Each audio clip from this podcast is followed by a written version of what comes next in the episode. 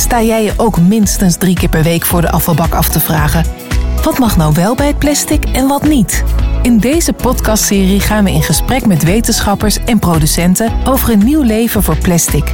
In deze tweede aflevering staan we stil bij voedselverpakkingen. En één ding is nu al zeker. We moeten meer recyclen. Wat volgens mij de oplossing is, is dat we dit plastic keten circulair gaan maken. En dat is waar we voor moeten gaan. Dit is De Plastic Cirkel is Rond.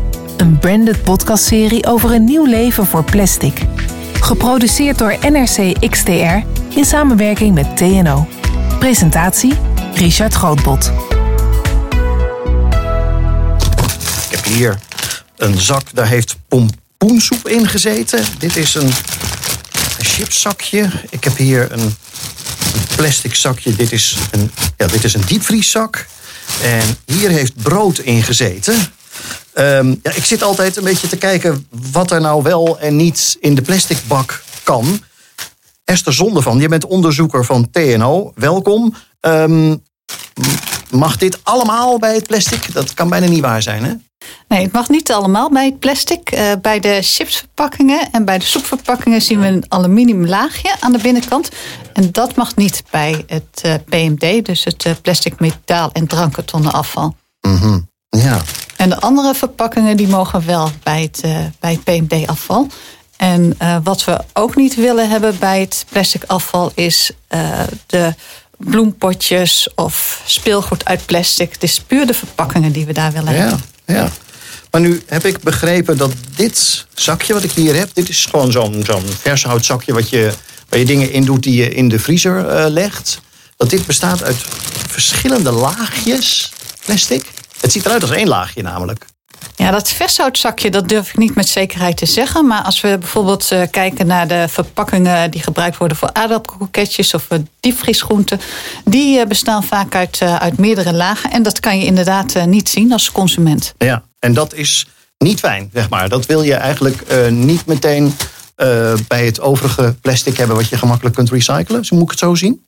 Um, nou, ik zou het niet helemaal op die manier uh, zeggen. Want uh, die verpakkingen die zijn natuurlijk heel goed om het uh, voedsel te bewaren. En ze zijn, ze zijn licht, dus van daaruit zijn ze, zijn ze heel goed. Ze zijn op dit moment lastiger te recyclen, omdat ze bestaan uit meerdere materialen. En die moeten dan, ja, die kunnen niet op dit moment nog niet goed verwerkt worden. Dus deze verpakkingen worden nog verbrand. Oké, daar moeten we straks dan nog even over doorpraten in deze podcastserie. Uh, Martijn van Rijn, jij bent secretaris van het Plastic Pact Nederland. Kun jij in één zin uitleggen wat dat is, dat Plastic Pact Nederland? Jazeker, dat kan ik. Het Plastic Pact is een pact tussen het ministerie van INW en op dit moment ongeveer 110 uh, partijen. Dat zijn bedrijven en organisaties die iets betekenen in de waardeketen van uh, plastic verpakkingen. Ja, we hebben het over uh, plastic en hoe goed het te recyclen is. Um, Esther gaf al aan, die, die laagjes hè, die zorgen er nu voor dat het vaak verbrand wordt. Uh, kun je iets zeggen van hoeveel van al het plastic dat wij in Nederland met elkaar verbruiken gerecycled wordt? Of kun je dat eigenlijk niet zo in één zin zeggen? dat is best lastig om daar in, in één zin antwoord op te geven. Maar we hebben in Nederland het affonds verpakkingen. En die doet jaarlijks een mooie rapportage maken. En in de laatste rapportage over 2018 kwam ervoor dat 52% van de plastic verpakking op dit moment gerecycled wordt. Ja, maar ik heb ook wel lagere percentages gehoord. Waar komen die dan vandaan? Ja, dat klopt. Kijk, er zit een verschil in tussen het, het verpakkingen die op de markt worden gebracht en daadwerkelijk worden gesorteerd en gerecycled. En je hebt de verpakkingen die na gerecycled opnieuw worden ingebracht in nieuwe plastic producten. En dat percentage is veel lager. Voordat we verder gaan, even een korte uitleg over verschillende termen die je in deze aflevering gaat horen. Veel doorzichtig plastic is van PET gemaakt. Polyethyleentereftalaat. Deze kunststof wordt onder andere gebruikt voor petflessen en andere verpakkingen van voedingsmiddelen. PET wordt al gerecycled, maar kan maar een beperkt aantal keer gerecycled worden naar eenzelfde product, omdat het daarna te bros wordt. Er is wel al een methode om PET af te breken tot de bouwstenen waarvan weer opnieuw PET kan worden gemaakt. Deze methode wordt momenteel opgeschaald in de industrie. Als er PE op een product staat, dan is het gemaakt van de populairste soort plastic die er is: polyethyleen. Je kunt er van alles van maken: flesjes, zakjes, folie en diepvriesbakjes. Het laat zich goed omsmelten en dus hergebruiken. EFSA staat voor de Europese Autoriteit voor Voedselveiligheid. Deze organisatie volgt het hele voedselproductieproces en houdt zich in die rol ook bezig met verpakkingen. Nou, dat zijn de termen die komen vast nog wel voorbij in deze podcast.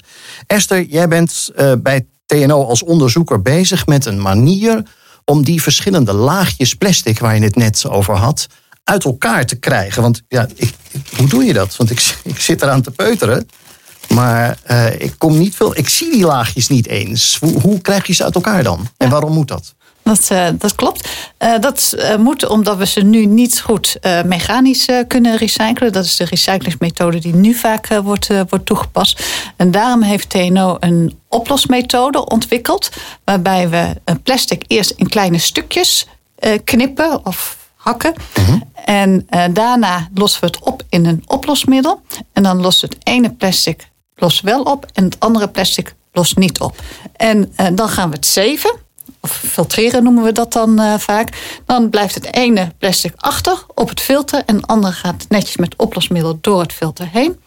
Dus we hebben één plastic, kunnen we dan al uh, recyclen op die manier. En het andere plastic kunnen we recyclen door middel van het oplosmiddel te verwijderen. Dit is een mooie methode, hè? want um, uh, je bent er al heel ver mee, hoor ik je zeggen. Ja, op, op labschaal kunnen we dat heel goed doen. En nu is het zaak om dit verder op te gaan schalen. Wat is daarvoor nodig nog dan? En daarvoor is nodig dat we met grotere installaties gaan testen. Op dit moment test TNO op labschaal, dus dat is 100 gram schaal. En dat moet opgeschaald worden naar bijvoorbeeld 50 kilogram schaal en dan naar kiloton schaal. Ja, inderdaad. Want daar hebben we het dus echt over, over kilotons ja, van, ja. Dit, van dit spul wat ja. we allemaal met elkaar gebruiken. Ja, ja, Wauw. Ja. In deze aflevering van De Plastic Cirkel is rond kijken we naar het recyclen van voedselverpakkingen. Esther, je hebt net al uitgelegd, dat is soms lastig, want die bestaan dan uit meerdere laagjes. Um, jij hebt net uitgelegd hoe ze weer uit elkaar gehaald kunnen worden. Martijn van Rijn van Plastic Pact Nederland. Die grote bedrijven die dit soort verpakkingen maken, hè, uh, hebben die eigenlijk niet veel liever dat dit soort verpakkingen dan ja, blijvend gemaakt kunnen worden uit olie? Want dat is wat nu gebeurt, hè? Uh, ja, dat klopt. Uh, de plastics die vandaag de dag gebruikt worden, worden meestal gemaakt uit fossiele olie. Dat willen we natuurlijk veranderen met z'n allen. Hè. We willen iets doen aan het klimaatprobleem, minder CO2-uitstoot. En een van de mogelijkheden daarvoor is om de verpakkingen te gaan maken van gerecycled plastic. Daarbij is het natuurlijk belangrijk dat je alle plastics die we gebruiken ook weer inzamelen, sorteren en vervolgens ook daadwerkelijk gaan recyclen.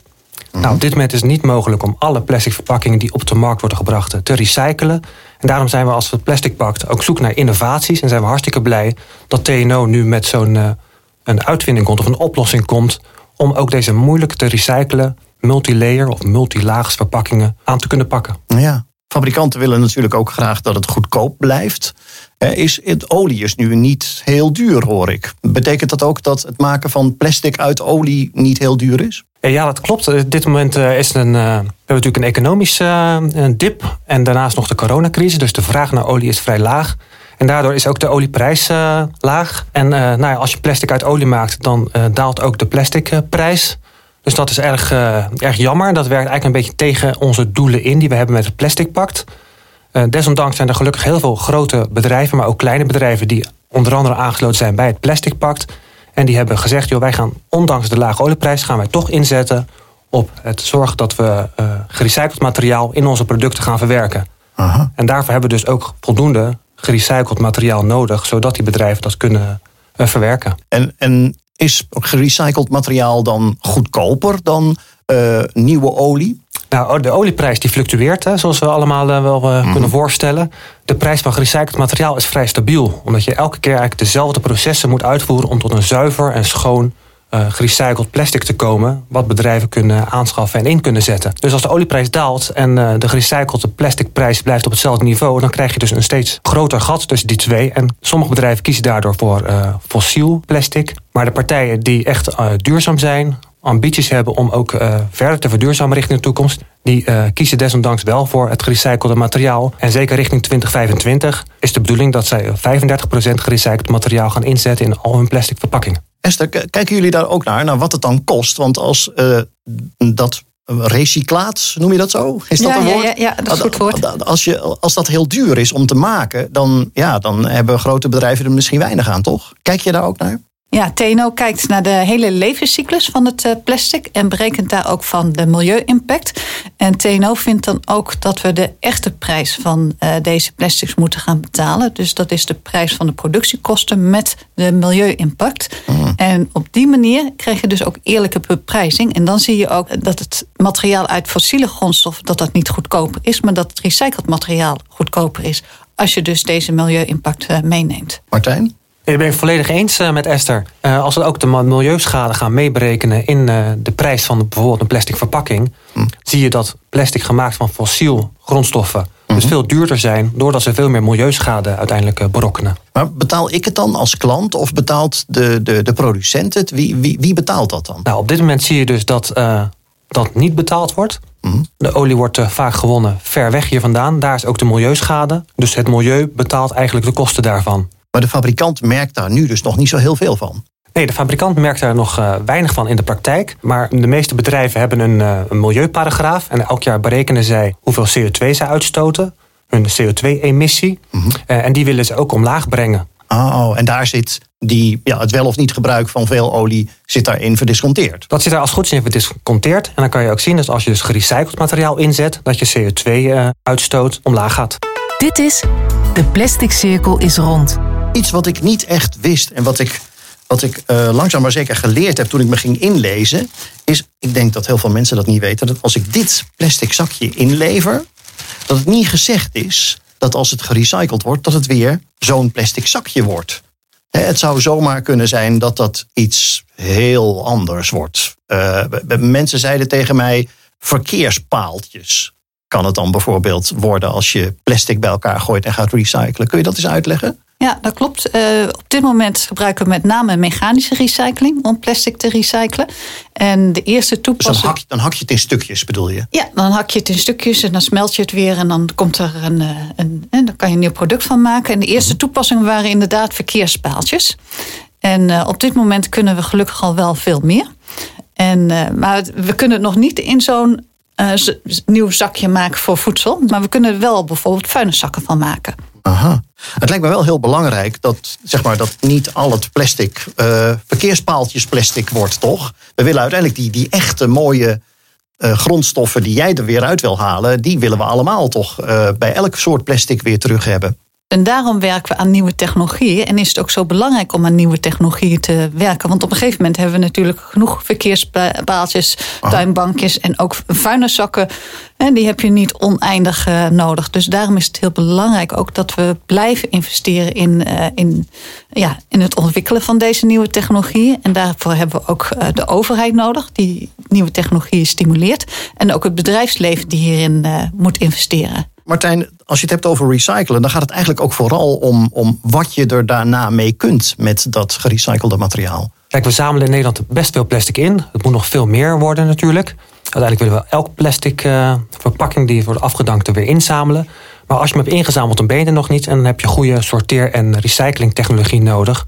om dat materiaal weer gereed te maken voor de volgende ronde. Ja, ik zit me net te realiseren, hè? Die, die ondernemers die zeggen: Ja, ga ik doen. Ik ga me er echt voor inzetten. Ik wil per se gerecycled plastic uh, gebruiken. Moet wel kunnen. Ze moeten er wel zijn, die gerecyclede plastic soorten. Uh, zijn er nog dingen in je hoofd waarvan je denkt: Ah, ik zou zo graag willen dat ze dat zouden kunnen? Ja, nou, dit is nou precies de reden waarvoor we het Plastic Pact eh, hebben opgezet met z'n allen. 110 partijen op dit moment, met name de koplopers in Nederland. En we hebben met elkaar afgesproken dat we met z'n allen in gezamenlijkheid dus de plastic verpakkingsketen gaan veranderen. Dus we gaan met z'n allen aan de voorkant, waar het ontwerp van plastic verpakkingen, maar ook aan de achterkant, waar de recycling plaatsvindt, met elkaar samenwerken, zodat er goede verpakkingen op de markt komen die ook goed gerecycled kunnen mhm. worden. Juist, ja. ja en hier werkt TNO ook aan, want TNO is ook lid van het uh, Plastic Pact. En TNO werkt ook aan nieuwe verpakkingen voor, uh, die maar uit één materiaal bijvoorbeeld bestaan. En dat is bijvoorbeeld de vleespakjes, die nu vaak uit meerdere materialen bestaan, uit een uh, PET en een PE-laagje nog. Mhm. En daar werkt TNO aan een vleesverpakking die alleen uit PET bestaat. En die is gemakkelijker te recyclen? Die kan beter gerecycled worden, ja. Die methode waar jij nou aan, aan werkt, hè? je zei van die, bijvoorbeeld die Europese regels is nog een ding dat geregeld moet worden. Hoe lang zou het duren voordat dit zeg maar, door hele grote maatschappijen gebruikt kan worden, jouw methode? Ja, de opschaling van zo'n methode, dat uh, reken daar vijf tot tien jaar uh, voor. Oh. En uh, dan kan die. Dan parallel moeten dan zorgen voor EFSA-goedkeuring. Dus dat is de Europese autoriteit die gaat over de voedsel goed, dat in gebruik. De voedselveiligheid, de voedselveiligheid, zeg maar. ja. En um, maar ondertussen kunnen ze wel al voor andere type verpakkingen uh, gebruiken. Voor bijvoorbeeld cosmetica verpakkingen, waar ook hele hoge eisen aan worden gesteld. Ja. Martijn, is druk vanuit de samenleving daarvoor ook nog nodig? Moeten wij als consumenten ook nog de straat op en uh, roepen: we willen uh, meer gerecycled materiaal? Of ben jij het aan het regelen met de plastic pact? Het is een gezamenlijkheid. We moeten alle partijen die in die keten actief zijn, moeten het gezamenlijk oppakken. Dus het is een rol voor producenten van nieuwe verpakkingen, maar ook voor de recyclers en ook voor de consumenten. Want uiteindelijk moeten we wel zorgen dat alle plastic wat afgedankt wordt, ook weer wordt ingezameld en opnieuw gerecycled kan worden. Dus we hebben meer volume nodig qua plastic inzameling. En daarnaast hebben we dus betere uh, recyclingtechnieken nodig om die schone gerecyclede plastics te kunnen verkrijgen die partijen weer opnieuw kunnen invoeren in hun verpakkingen. Ik hoor je eigenlijk niet zeggen dat je heel veel kracht nodig hebt vanuit de samenleving die gaat pushen. Kijk, de, de maatschappij verandert ook langzaam. En je ziet steeds meer uh, klanten van grote supermarktketens bijvoorbeeld vragen om duurzamere materialen. En een van de manieren om materiaal duurzamer te maken is dus door gerecycled materiaal in te zetten. Dus vanuit die kant komt er zeker een beweging op gang. En gelukkig uh, acteren, nou in dit geval supermarkten, er heel op, op om uh, dus hun verpakkingen ook te verbeteren. Ja, nou al die klanten bij elkaar, hè, dat, dat, dat zijn wij eigenlijk ook. Wij komen ook elke dag in de supermarkt, stel ik me zo voor. Laten we even luisteren naar wat mensen op straat en hoe zij denken over recycling en wat ze er zelf aan kunnen doen. Hoeveel procent van het plastic dat ik denk dat er gerecycled wordt? Ja, ik zat aan de 70, 80 procent, dacht ik. Ik denk dat we steeds milieubewuster worden. Je hebt natuurlijk het verhaal rondom die plastic soep. Gezien de hele voortgang die er nu is, denk toch zeker 30 procent. Eh. Wat er echt gerecycled wordt? Maar goed, het schijnt heel laag te zijn. Mm, ik heb het gevoel dat het niet zo vreselijk veel is. Ik denk... Uh, eh, 20 procent misschien? 10 procent hoe het zou moeten veranderen dat we plastic beter kunnen gaan scheiden. Uh... Uh, ja, ik denk dat dat alleen van bovenaf kan veranderen als het niet meer geproduceerd wordt. Dat is de enige oplossing volgens mij. Aan het recyclen zelf doe je niet zoveel. Of je moet het praktisch in je eigen huis kunnen recyclen door het een andere functie te geven. Ja, hoe dat veranderen moet, ik, ik heb geen idee. Daarbij zijn we natuurlijk afhankelijk van, uh, van de politiek, van fabrikanten, van verwerkingsinstallaties. Als consument kan je iets zuiniger zijn qua plastic, maar waarschijnlijk het percentage wat je daarmee wint over het, over het hele geheel zal uh, niet heel zijn. Nou, druiven hebben ze nu bijvoorbeeld in uh, de papieren zakjes. En die probeer ik altijd mee te pakken in plaats van het plastic. Maar ja, helaas is het papier vaak op en eindig je weer met het plastic. Ja, ik denk dat dat aan de voorkant bij de manier van verpakken, dus eigenlijk bij de, bij de productie al ligt. Nee, je komt zoveel plastic overal tegen. Als je eenmaal iets nodig hebt, dan laat je het er niet om. Want je koopt het omdat je het nodig hebt. Groente en fruit, dat doe ik zoveel mogelijk in één zak. En dan met een hele rits bonnetjes erop. En die zak die kun je ook weer hergebruiken. Um wat denk je als je dit hoort, Esther? Ja, het hergebruik van plastics is natuurlijk heel goed. En uh, zeker als je dan steeds hetzelfde zakje uh, meeneemt. Want we moeten voorkomen dat we steeds dan bij het supermarkt nieuwe zakjes kopen. Omdat we de, de zakjes zijn uh, vergeten. Hm. Wat ik mensen ook hoorde zeggen net is dat we af moeten van het plastic. Dus dat ze papier gebruiken in plaats van eh, plastic. En dat ze denken dat dat beter is. Ja. Wat, wat volgens mij de oplossing is, is dat we die plastic keten circulair uh, maken. En dat is waar we voor moeten gaan. Zodat we ze uh, optimaal het plastic gaan hergebruiken. En dat we wat we niet kunnen hergebruiken, dat we dat weer gaan recyclen. Ja. En dat op een manier waarbij ze dus ook weer de hoogwaardige toepassingen van die plastics gebruikt kunnen worden. De plastic cirkel is rond. Esther, ik zit nog steeds met die verpakkingen hier. Ik bedoel, het is een intensief proces om die laagjes plastic weer uit elkaar te halen. Kan het ook anders? Zijn er wat dat betreft positieve vooruitzichten, denk je? Ja, wat we willen natuurlijk is ook aan het ontwerp van deze verpakkingen werken, zodat ze maar uit één type materiaal eh, bestaan. En dat is waar TNO zich ook mee bezighoudt en uh, waar we ook goede ontwikkelingen zien in de markt. Mm, ja, Martijn, hoe denk je dat dat bereikt kan worden? Wij zeggen zelf altijd, eh, als geen verpakking nodig is, dan moet je iets niet verpakken natuurlijk. vervolgens moet je kijken, is een verpakking nodig? Ja, kan je die verpakking eh, herbruikbaar maken? Nou, als dat ook niet lukt, dan graag 100% recyclebaar. Eh, maar we moeten ook niet vergeten waarom een verpakking is natuurlijk. Hè?